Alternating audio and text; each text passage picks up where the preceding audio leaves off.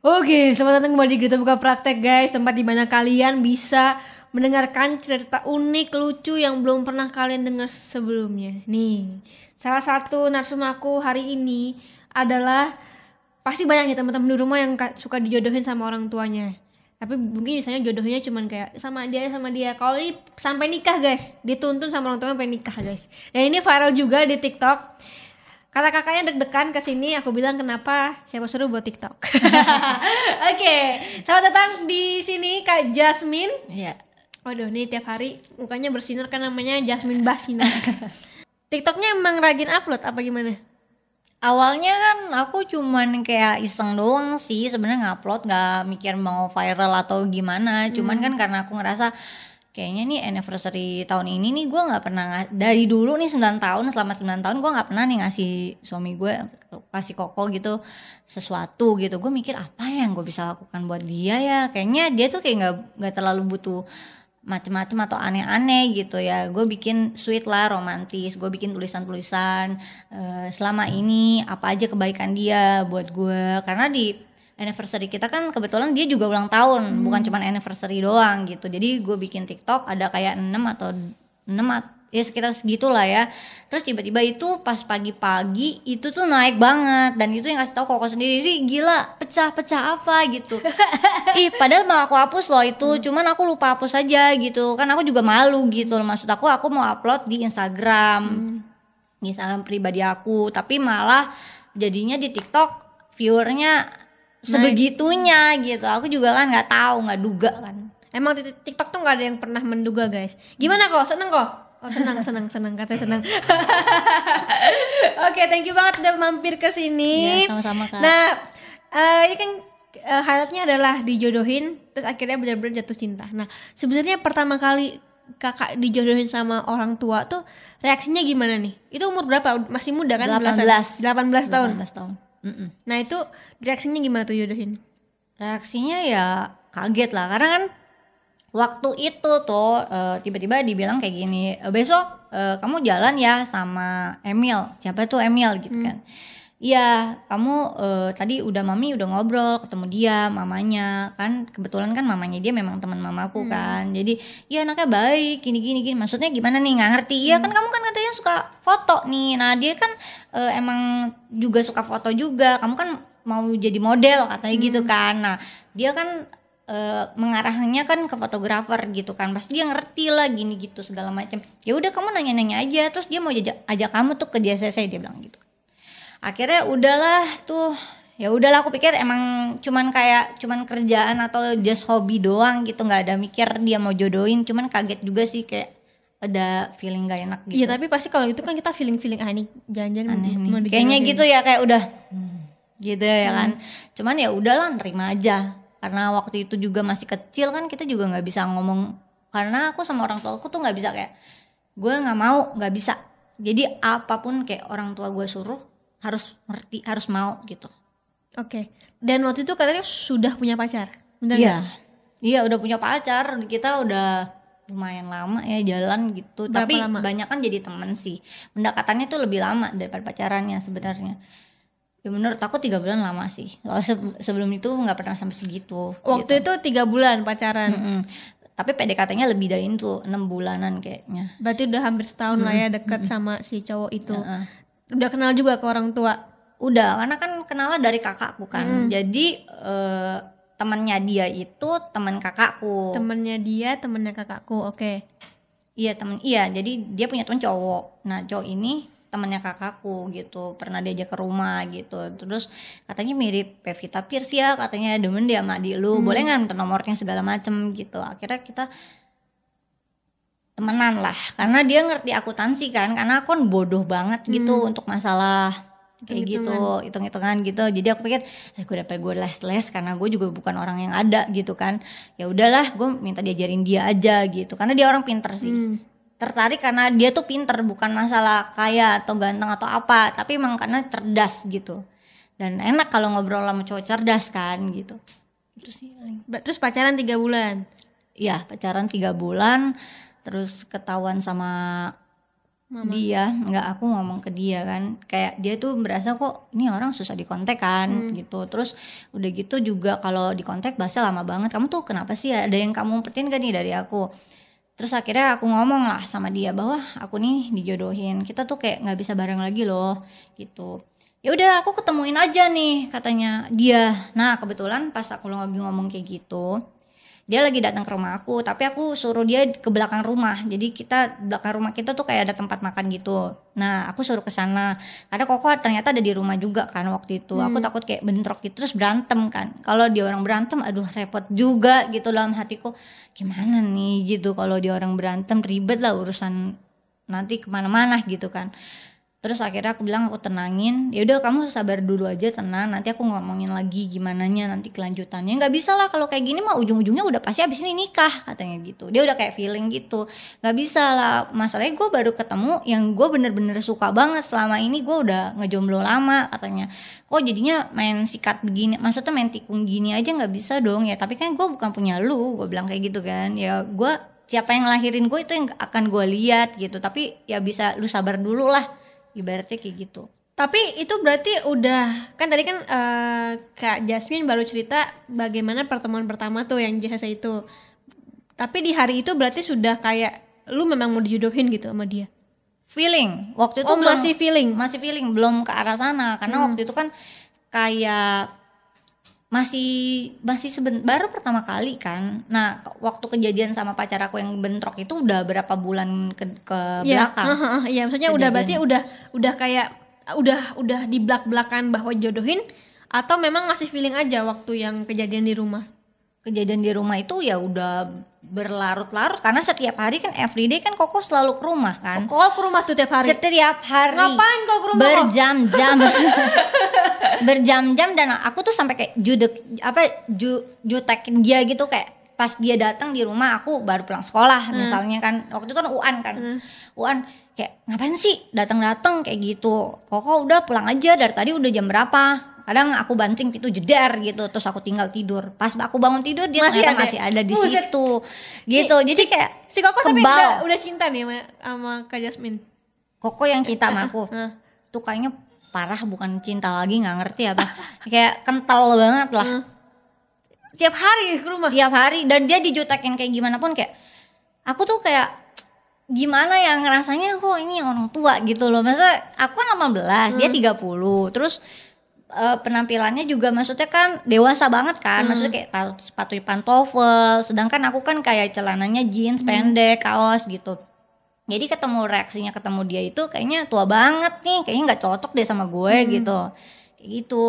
Terus diperlakuin kayak gimana aja dijutekin kayak gimana aja pergi sama dia. Bahkan nggak pernah ngomong satu kata patah pun cuman mm, mm, mm gitu doang. Dia kayak nggak jerah gitu. Kok kenapa nggak nyerah kok? Kenapa nggak nyerah waktu itu? Dijutekin. dijutekin kenapa nggak nyerah Oh, iya. Kenapa mesti nyerah? Tapi emang beneran udah sayang tuh. Udah udah pengen gitu. Iya. Oh. udah ibaratnya udah berarak kali ya Oke, terus udah gitu akhirnya eh, nikah nikah udah gitu kan menjelang dari situ nikah Oktober kan aku. Jadi eh, ketemu dia Februari terus eh, Mei kita jadian abis Mei kita jadian kok bisa jadian? jadiannya kan eh, dia ngelamar kan. Jadi ngelamarnya tuh pokoknya kamu harus sama aku katanya gitu. Karena aku nggak bakal ngelepasin kamu sama orang lain dia bilang. Jadi udah jangan pernah eh, nganggep kita tuh cuman kayak sebatas kayak teman dekat atau apa gitu. Karena ini udah jalurnya udah serius jadi udah ngomong udah berat serius dia bilang. Kok Cikoko? Hah? Cikoko. ya dia bilang udah ada serius jadi Padahal dari Februari kan belum gimana-gimana Enggak kan? kan? Iya tapi kan dirempel terus tiap hari datang kan ke rumah. Ngajakin ini ngajakin pergi sini ngajakin makan sini walaupun kita ya makan ya dingin gitu loh. Si apa sikap kita tuh ke dia tuh dingin gitu.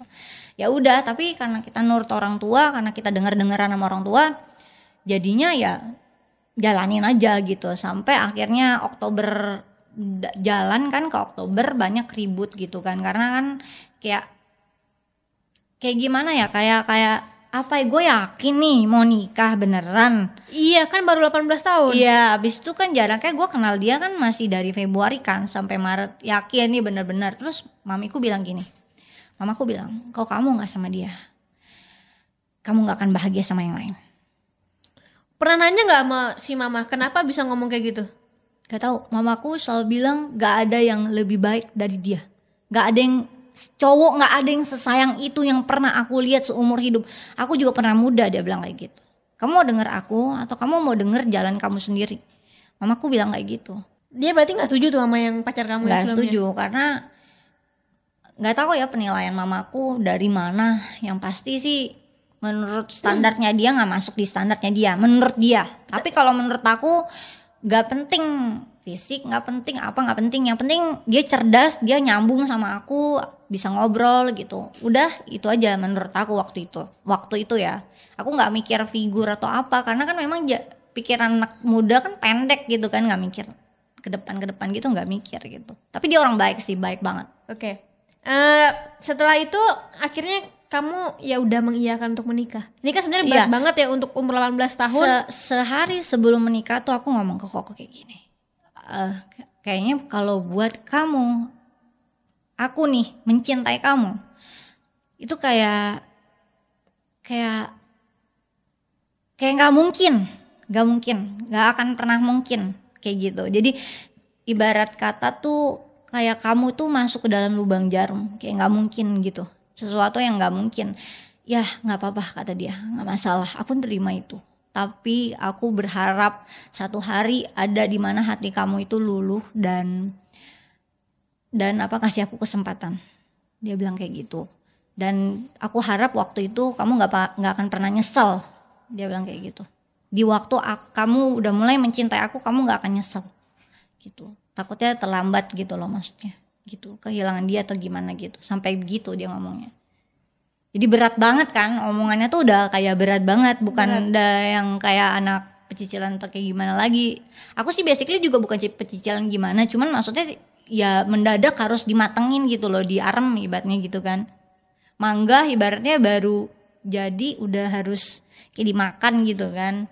Gak ada kesempatan jeda untuk aku bilang iya atau enggak gitu. Ya udah lu mau nggak mau makan Tapi keluarga juga sebenarnya emang tipe yang nikah muda atau gimana? nenekku ya nikah muda Jadi mamaku enggak sih mamaku dengan enggak dengan nikah muda tuh maksudnya kan ada beberapa keluarga yang nganggap nikah nikah muda tuh ya udah turunan dan baik gitu. Dan gak ada masalah. Enggak sih, enggak sih, enggak ada yang kayak gitu. Malah yang ada tante-tanteku tuh, om-omku tuh pada kaget, gila Hmm. banget. Disangkanya malah hamil duluan atau apa, atau apa segala macem. Gila kali hamil duluan, gue pegangan tangan aja kayak udah risih Enak banget. banget kali ya iya, ya. eh, eh, lu jangan kan kayak gitu, nggak lihat aja udah. Makanya nggak pernah kalau ngomong sama dia tuh nggak pernah tuh aku mau ngeliat mukanya tuh nggak pernah mau mau mau ngeliat mukanya tuh nggak pernah.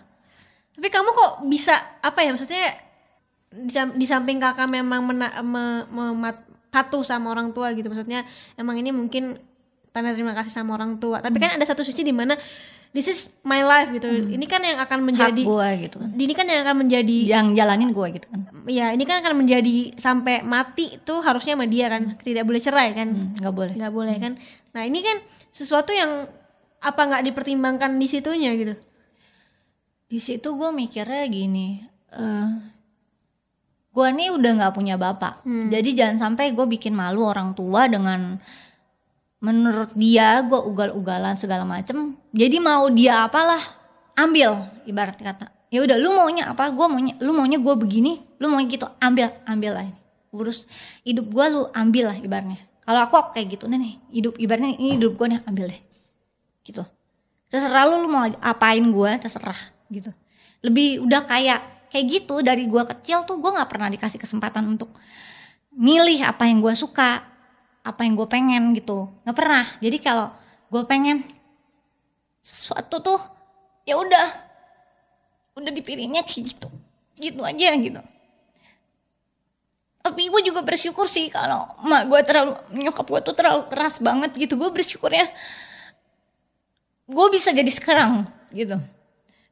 Gue bisa bisa kayak gini mungkin karena nyokap gue mungkin mikir ya lu nggak akan hidup seneng kalau sama yang lain Kalau sama dia lu hidup seneng dan terbukti memang emang hidup senang sih gitu Oke, ya namanya orang tua kan juga pasti pengen yang terbaik buat anak-anaknya kan. Cuman ya mungkin ada Caranya caranya, mungkin. caranya ada yang ada yang kayak gimana, ada yang kayak gimana gitu. Mungkin juga kalau misalnya terlalu lembek juga nggak bagus juga. Iya, memang nggak Iya. pernah dilembekin juga sih Iya, dari gue iya. kecil gitu. Jadi kalau gue, emak gue tuh cuma minta dua. Gue nggak boleh mukul orang di sekolah berantem. Mau orang itu ngatain gue kayak bully gue kayak mau dia gimana kayak perlakuannya ke gue, gue harus terima. Gue nggak boleh speak up, gue boleh ngomong, nggak boleh apa pun. Yang kedua, lu nggak boleh nggak naik kelas. Itu. Dan yang ketiga, satu sorry satu lagi lu gak boleh pacar-pacaran. Dia bilang, lu mau jadi apa? Murah katanya. Gue gak pernah didik lu jadi murah katanya. Gue mau lu sesuatu yang beda. Jadi nyokap gue tuh selalu nuntut diri gue seperti dia nuntut diri dia yang dia dulu mungkin gak pernah dia dapetin. Gue tahu sih maksudnya tujuan dia baik. Semua orang tuh pasti punya tujuan tujuan yang baik dan gue sih bersyukur sih bersyukur banget diperlakuin kayak gitu gitu sampai akhirnya Koko juga waktu gue malam pertama pun ibaratnya juga gue masih grass gitu gue tidak melakukan hal yang di luar itu sama yang sebelum sebelumnya gitu. Jadi Koko tuh memang menghargai gue banget gitu. Jadi udah cinta tambah menghargai lagi lu bisa bayangin deh jadi kayak bucinnya tuh bukan bucin lagi kali ya kayak apa ya? Gue nggak bisa jelasin deh itu. Udah nggak no- udah di luar di luar orang pikiran normal. Karena gua sampai gua buang sampah pun tuh nggak dikasih sampai gua nangis sama koko ini gua tuh burung. Apa? Gua orang gitu. Kok gue sampai buang sampah pun nggak dikasih gitu. Kayak gua cuman ke supermarket pun gua nggak dikasih gitu. Gua ngumpul sama temen gua. Nggak bisa. Lu pilih semua temen gua. Iya karena kamu naif katanya. Kamu naif kamu nggak bisa pilih temen yang baik mana yang enggak menurut aku nih anak kecil gitu nggak pernah dikasih kesempatan gitu. Jadi semua sudah diatur semua sudah di plan gitu. Tapi aku bahagianya di situ aku ngedapetin figur bapak yang di mana kalau mama kan cuma nuntut-nuntut doang kan. Maksudnya kayak cuman kasih jalan ini ini tek tek tek tapi nggak dampingin aku kan. Jadi nggak nggak nggak nggak figur ibunya tuh kayak ngomong sayang enggak kalau koko tuh enggak koko tuh ngomong sayang yang di mana aku sakit dia ada bahkan aku yang kayak menstruasi sorry ya menstruasi kayak gitu. Dia gantiin spray dia nggak pernah marah sama aku nggak pernah nada tinggi nggak pernah ibaratnya nyuruh aku beresin rumah ya atau lu ngurusin anak ya atau lu cuci piring ya itu nggak pernah sama sekali. Dia lihat aku agak capek kayaknya kamu capek deh udah kamu duduk aja deh ntar aku yang beresin kayak gitu. Kadang-kadang kita rasanya nggak enak gitu loh nggak enak kok begini banget ya gitu. Kadang-kadang pengennya nanti aja deh gue beresin sendiri nanti. Tapi kamu jangan kamu yang beresin. Tapi aku lagi capek nih sekarang gitu. Ntar dia yang beresin kita jadi nggak enak sendiri gitu. Setiap hari selama 9 tahun tuh kayak gitu. Dari pacaran bukain pintu, bukain botol, kayak gitu-gitu. Hal-hal yang kecil-kecil yang kita nggak kepikir itu ternyata dibutuhin sama aku gitu. Nah di situ luka batin luka batin aku itu sama kehilangan sosok bapak itu itu mulai sembuh kak. Healing. Iya, mulai sembuh, mulai ngerasa gua ini ini berharga, gua ini disayang sebenarnya. Tapi karena gua nggak ngerti apa itu rasa sayang. Seperti apa jadi gue ngerasanya aneh. Ibarat kita nih nggak pernah makan buah yang manis. Terus kita dikasih manis ini apa rasanya? Kok kayak gini? Biasanya gue tuh digalakin. Gue tuh ditegesin gue tuh disuruh strong gue tuh disuruh bertahan gue tuh disuruh ngelakuin apa yang gue nggak suka apa yang gue nggak mau apa yang nggak gue pengen gitu. Gue harus telan semua yang pahit yang nggak enak ibaratnya pare gitu. Gue harus makan itu setiap hari. Lu suka apa nggak suka adanya itu harus lu makan. Kalau nyokap gue gitu. Jadi kayak lebih ke bapak kali dia tuh kayak lebih keras gitu loh Dengan jadi masuk mama sama bapak ada di dia gitu sifat kerasnya doang. Cuman kasih sayangnya enggak. Luar biasa. enggak. Enggak Hmm. sih kalau kok kalau koko iya. Kalau koko ibu bapak kasih sayang semua. Jadi yang satu pahit banget yang satu manis banget gitu loh. Jadi begitu begitu dapat begitu dapat koko lu juga kayak biasanya bisa sendiri gitu ya biasanya mandiri. Iya gue mandiri gue dituntut keras. Iya jadi begitu dapat yang lembut-lembut ini apa gua bingung, sih? iya Tapi jadi kayak gali sendiri gitu ya. kenapa? Sekarang gue nggak bisa hidup tanpa dibegituin. Jadi kolokan kan jadinya tuman iya. Tuman kan jadinya hmm. gue jadi kayak nggak bisa apa-apa gitu loh ngerasanya. Jadi kayak gue nggak tahu nggak tahu jalan. Nggak nggak tahu pergi uh, Jakarta Selatan mana, Jakarta Barat karena kamu mau ke mana ntar ya MAPO dan uh, uh, apa uh, Maps Maps sorry hmm. ya nanti dia yang setirin, hmm. anterin, hmm. jemputin kayak gitu setiap hari. Berarti uh, kayak pergi sama dia ke mana? bahasa kasihnya service lah ya, di service dengan baik. Uh, melayani. Kan? Melayani ya. Oke, ini setelah nikah. Setelah nikah uh, akhirnya mau nggak mau nikah juga. Hmm. Terus uh, gimana tuh proses akhirnya lu bisa akhirnya benar-benar mencintai suami dengan sepenuh hati? Berapa lama? Eh uh, dari 2011 sampai 2016. Dari 2016 itu gua ngerasa karena gue sakit kan, ternyata gue ada didiagnosa SLE gitu kan. Hmm. Dan dia ada sama gue walaupun fisik gue berubah gitu kan jadi gem bengkak banget gitu. Di satu sisi gue makan terus dan di satu sisi juga ternyata tuh SL gue tuh kayak jadi gitu loh kak. Jadi ya udah tuh udah double double dah hmm. double kill dah ibaratnya gitu kan di situ. Akhirnya dia ngur tetap ada sama gue tetap ngurusin gue sampai dia tiap hari tuh doain kepala gue gitu dia doain kepala gue dia bilang lu suatu hari lu bakal punya hati yang lembut. Dia bilang lu bakal nerima semua kejadian ini dia bilang. Lu akan lupain semua sakit hati lu dari dulu sampai sekarang. Gua mau lu seneng gua mau lu ketawa dia bilang. Apa pun yang membuat lu ketawa gua akan lakuin itu dia bilang kayak gitu dan gue selalu denger doa dia dan gue selalu nangis. Kenapa sih lu nggak cari yang cinta sama lu gitu loh? Karena membuat hati gue tuh sebenarnya juga tertekan kak. Karena lu juga mungkin lu iya, sudah berusaha pengen, kali ya? Iya gue pengen dia dapet yang sayang sama dia juga gitu. Ya gimana ya? Kita ada perasaan gak enak gitu kalian kalau disayang banget gitu. Gue pengen gitu. Tiap hari doanya itu sampai gue gue ngerasa kayak Tuhan tuh sentuh hati gue di situ gue ngerasa gue yakin orang ini ada Tuhannya nih, hatinya nih. Gue nggak pernah nanya dia gimana gimana, tapi gue ngerasa orang ini nih punya apa bener-bener ciptaan. Gue merasakan cinta yeah. kasih Tuhan gitu lewat orang ini gitu. Lebih kayak gitu kak. Jadi di situ gue lulu gue minta maaf sama dia. Sorry ya kalau selama ini gue nggak seperti apa yang lo mau dia bilang nggak usah nggak perlu kayak gitu. Lu ada sama gue aja gue ngeliat lu setiap hari gue udah bahagia.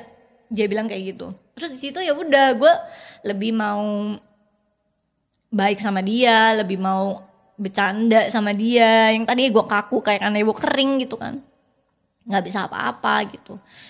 Terus ya udah lebih lebih bisa membuka hati dan sampai akhirnya gue nggak bisa tuh kayaknya kalau tidur nggak ada dia tuh kayak gue stres gitu kayak kok belum tidur? Ya nih masih ngerjain ini nih masih gini nih masih gini nih gitu. Jadi kayak harus ada dia dulu baru bisa tidur kayak gitu sih.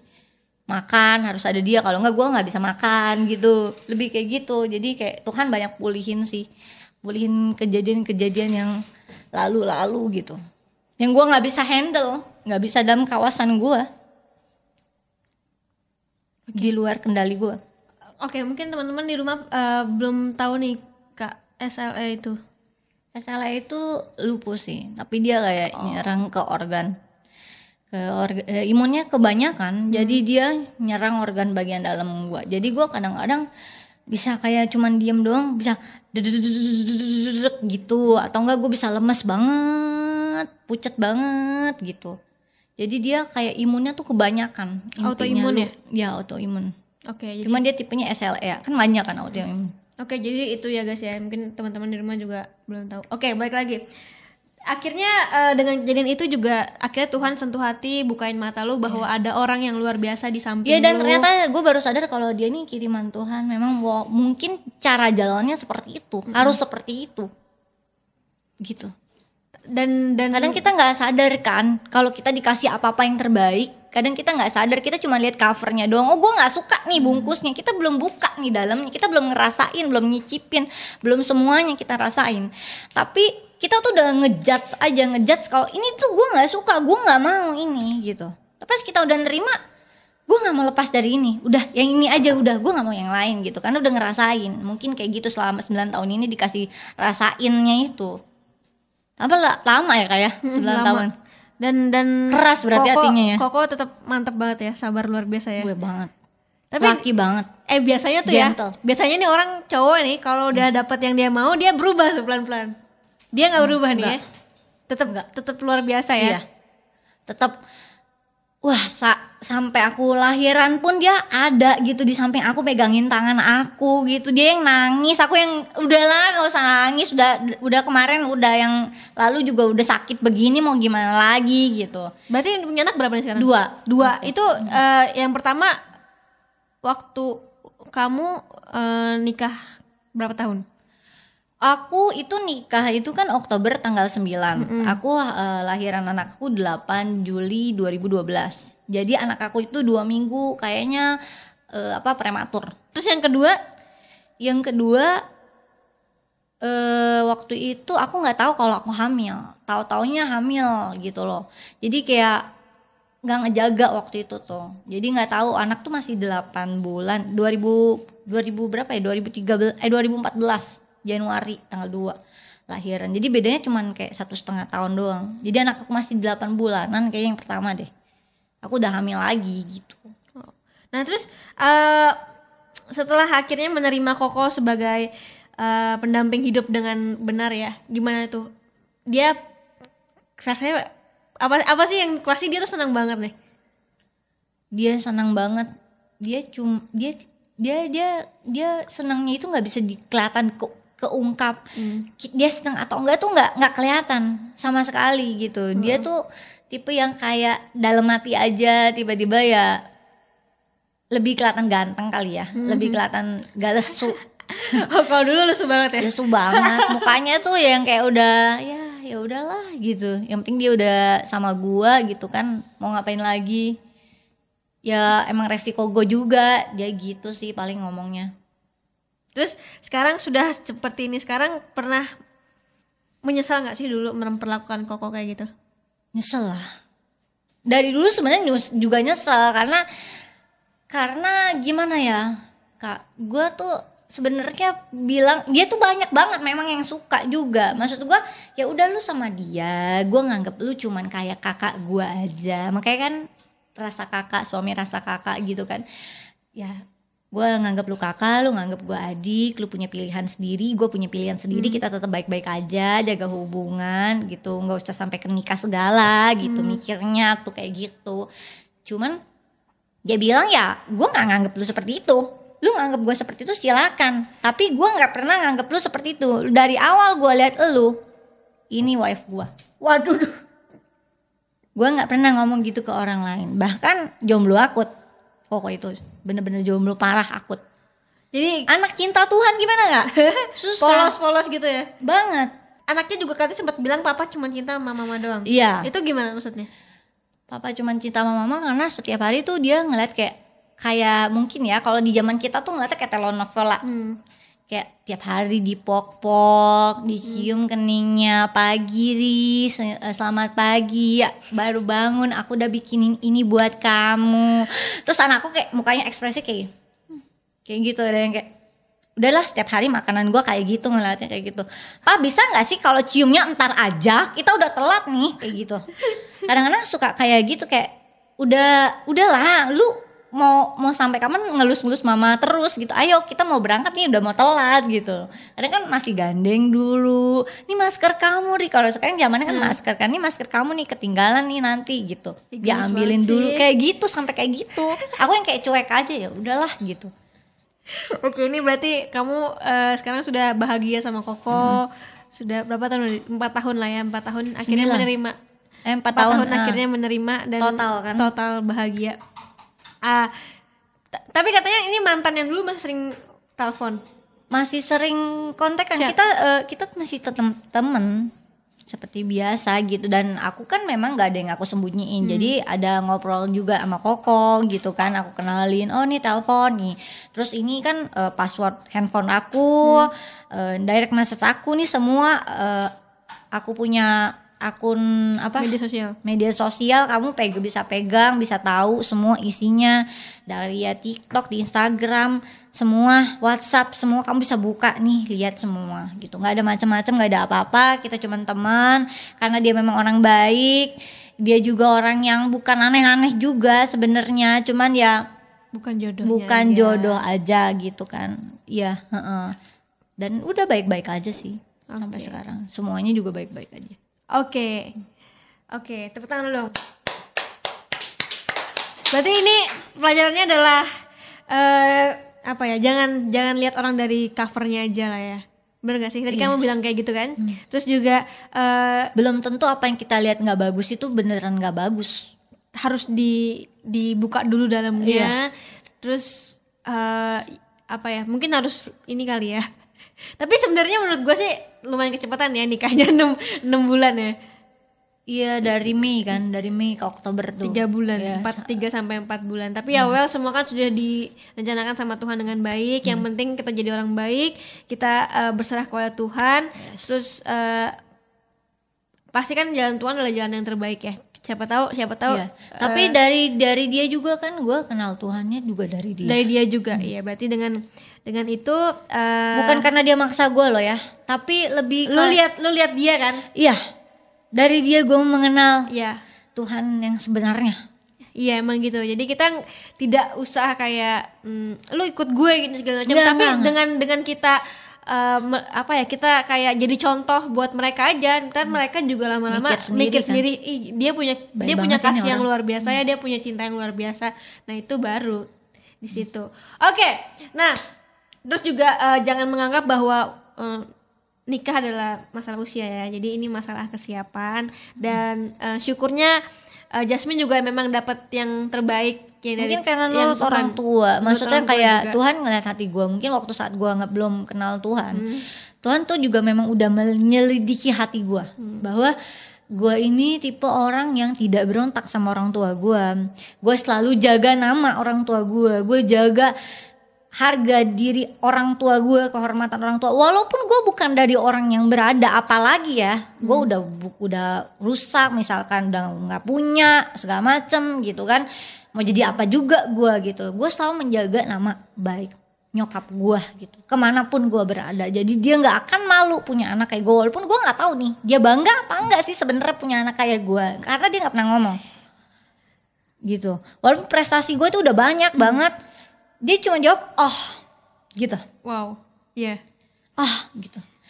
Ya kita kan pengen ya kadang-kadang bukan gila pujian, pengen dibilang Ih, Ih, anak hebat banget, loh," banget. gitu. Nggak pernah, tapi ya udah nggak ngarepin Iya. hal kayak gitu lagi. Jadi cuman ya udahlah, gue bisa kayak gini, thank you, udah gitu doang. Yang pasti sih gue berharap gue dengan gue menikah muda gue tidak nyusahin lu lagi. Karena setiap orang tua juga pasti punya cara masing-masing lah buat ngedidik anaknya Hmm. juga. Mungkin juga gue ngerasa kayak kita kan memang tiga bersaudara kan. Mungkin terlalu banyak kali anaknya mungkin gue beban. Menurut menurut gue tuh gue tuh membebankan. Bukan menurut dia ya menurut gue tuh membebankan. Sehingga gue ngambil keputusan oh ya udahlah mungkin gue ini beban. Jadi kalau gue nikah sama Koko dengan Koko udah cukupin semua kebutuhan kebutuhan gue Nggak itu dari materi, kasih sayang, segalanya modal semua dia yang support gue sampai hari ini gitu. Gue ngerasa ya udahlah gitu. Kenapa eh, kenapa enggak gue bisa jadi memberkati nyokap gue juga gitu kan sekarang. Terus walaupun di 9 tahun itu Koko ngalamin yang namanya susah banget, nggak ada, gue sampai harus keluarin sisa-sisa yang dia kasih ke gue, gue korek-korek, gue nggak tinggalin dia loh kak. Bener-bener gue nggak tinggalin dia meskipun kata gue nggak cinta, tapi tuh gue respect sama dia karena gue utang budi gue merasa gue utang budi. Dan gue tuh tipe orang yang orang baik segua eh, sama gue sekecil gula ibaratnya sekecil gula pasir. Gue akan inget sampai gue mati. Gue tipe yang kayak gitu. Karena nyokap gue selalu ajarin ke gue itu gue nanamin kayak gitu. Tahu diri Ri, jadi orang. Belajar untuk tahu terima kasih tahu diri. Mau orang kayak gimana pun jahatnya sama lu tapi kalau dia punya kebaikan yang sekecil sekecil apa pun itu lu harus bayar. Dengan cara apa pun karena utang budi itu nggak akan lunas. Menurut nyokap gue filosofi nyokap gue begitu. Tapi kan kalau koko bilang jelasin nggak harus kayak gitu kori. Kalau dia selalu nyakitin lu terus ya udah lu tinggalin dia gitu. Udah utang budi udah selesai udah beres gitu. Menurut koko kayak gitu. Jadi jangan lu anggap satu hal ke, eh, apa ya gula pasir yang satu biji butir itu lu bayar sama darah ibaratnya satu, satu liter darah ibaratnya. Itu nggak masuk di akal. Nah gue diajarin nyokap gue tuh begitu. Diajarin tahu diri. Lu tuh tahu diri jadi anak. Tahu diri jadi orang. Kayak gitu. Gue selalu dididik kayak gitu. Jadi gue sama siapa pun gue tahu diri. Dan itu juga eh, kita harus terima juga kan. Yang penting sekarang sih sebenarnya menerima lah apa apa yang dikasih Tuhan. Eh, semoga sukses terus buat Kak Jasmine dan juga buat Koko juga.